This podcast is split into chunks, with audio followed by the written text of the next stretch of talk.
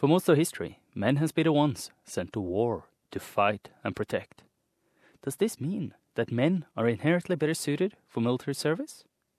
Or are there other reasons why there are so few women serving in the military? To find out more, I talked to a researcher in the field, Nina Rones. Nina Rones, you are a researcher with the Norwegian Defence Research Establishment, and you have written a chapter in the book titled The Palgrave International Handbook of Gender and the Military. Welcome to SBS Norwegian. Thank you. What is masculinity, and what role has it played in recruiting men to military service?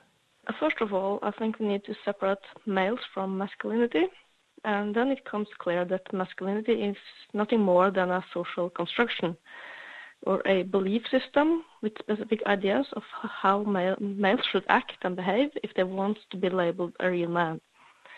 And historically, military virtues like bravery and discipline in war has been linked with masculinity, while, for instance, weakness, cowardice, cowardice and defeat has been linked with femininity and shame. So when you say you throw like a girl and you run like a girl, it's typically used to feminize men and encourage them to become stronger and more, more fit for war. And so the opposition between labels masculine, masculine and feminine has been used to convince men to participate in war and risk their life for the good of the others. That is also why the symbolic feminine, including women, has been excluded from combat roles and in particular in the countries which have depended on the ideas of masculinity for enlistment. Historically, how has the ideal soldier been portrayed in Norway compared to bigger allies that Norway relies on for defense, like the US and the UK? Different countries have different masculinity ideals for the soldiers, and these are often linked to the particular, particular events that produce the national identity. And since Norway gained its independence without going to war, and won its self-confidence in the polar race. It was the peaceful and independent polar hero who became a hegemonic masculinity ideal for the Norwegian army, with Fridtjof Nansen as the Norwegian archetype. And when the Australian researcher Connell came up with the concept of hegemonic masculinity, she emphasized that this is not a fixed character, always and everywhere the same. It's a normative masculinity, men are encouraged to emulate in a specific uh, culture. And this can be challenged. And in the book, I show how the idol of the polar hero was challenged by the Anglo-American warrior as well as the female soldier when Norway joined the global war on terrorism. How did Norway go from this ideal to become one of the few countries in the world to have compulsory military service for women and also one of the first to open all roles, including combat roles, to women? Norway opened uh, all roles, including combat roles, to women already in 1985. And Norway has also an identity as a world champion in gender equality. However, when we sent troops to Afghanistan, allegedly to save the Afghan women, the joint operations revealed that the majority of NATO countries had more women in their armed forces than Norway. And this was despite the fact that Norway had been a leading country in giving them legal access to the military. And this resulted in a strong focus on increased recruitment of women. And since we had already chosen to maintain conscription for men, while women had to volunteer, it was sent a strong signal to men and women who the military was meant for.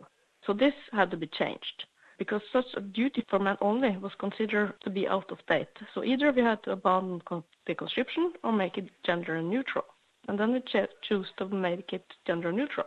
Why do women choose to join the military when they have a choice? We have found that uh, passing physically demanding selection and training processes seems to give an exclusive identity that calls forth both men and women's interest to join the military and conform to the field's rules and requirements. So this uh, selection and physical demanding training process seems to offer both men and women attractive and desirable identities. But it also so that since femininity has been constructed antithetical to military virtues and requirements, Women enter the military with bodies that symbolically stand in direct contrast to the idea of the chosen body of the military. And so they also jeopardize military masculinity as a belief system. Does the number of women in a unit change the perception of women in the military? No, that is often a common belief. But if you just increase the number of women and leaves everything else to self-organization, seeing that it paves the way for a traditional gender division of the internal labor, and this internal division of labor hamper both men and women from developing real skills and full confidence in tasks the opposite gender is in authority. And poor skill development contribute to experience-based anecdotes that confirm that women are not able to undertake military tasks, while proper and unhampered training change the perception of women.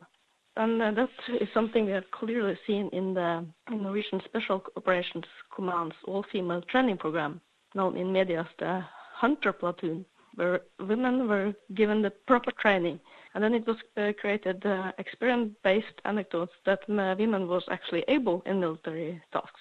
So it requires good pedagogical leadership, not only increased number of women. Do quotas play a role in increasing the number of women in the military, and how are they perceived? Yes, it can be used, but a common objection towards quotas is that it takes a situation that are fair and makes them unfair. But it's also so that the problem with the logic of fairness in systems like the military that, that are considered to be a meritocracy is the assumption that we are capable of recognizing the best without gender bias. And a meritocratic system, which is based on the selection of selected body, privileges men uh, above women because it measures and certifies masculine physical capital. So it isn't actually fair like it is. And then quotas can play a role to change the perception. But what about different levels of uh, physical requirements for men and women to enter into the military? Uh, should they be the same, or is there an argument for having them at different levels? Yeah, that's a bit a big discussion. The discussion has resulted in in Norway is that some military positions require physical strength and fitness. For these uh, positions with high physical demands, it is fair that the physical test requirements are the same for women and men. But there are also a lot of military positions that do not have these high physical requirements. And the physical test has more function like creating attractive identities uh, and measure health. And then it's not necessary for them to be equal for men and women because uh, there will be different uh, results and in your opinion, are the masculine symbols of being strong and tough necessary for success in combat roles in the military? Uh, as I said, some military tasks requires a lot of physical strength, which is often more linked to men and masculinity, but a large number of military jobs doesn't. And if success in war were actually dependent on playing physical strength and manliness, I guess that the history of Manly Beach in Sydney would be different because the British had superior weapons and technology, not masculine strength. Nina Rones, thank you for talking to SBS Norwegian. Thank you. A note Manly Beach was named by Captain Arthur Phillip after the confident and manly behavior of the indigenous people living there. You're listening to SBS Radio, and I'm Frank Mattison.